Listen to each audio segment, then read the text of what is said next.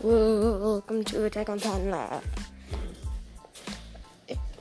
Episode 1 of How Does Bertolt Let the Class Time teaser if you watch the anime, but I insist you if you watch the manga.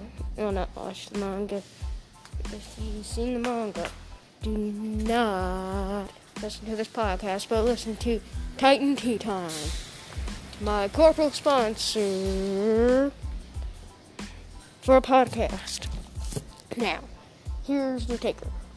I think that Bertolt and Reiner Bertolt must have hopped out of his Titan, and Reiner must have caught him while he was his armor titan.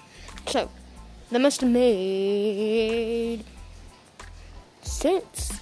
But how they get on the ship? They must have sneaked on after they disappeared. So, gotta make sure to listen to episode 2. I upload every Sunday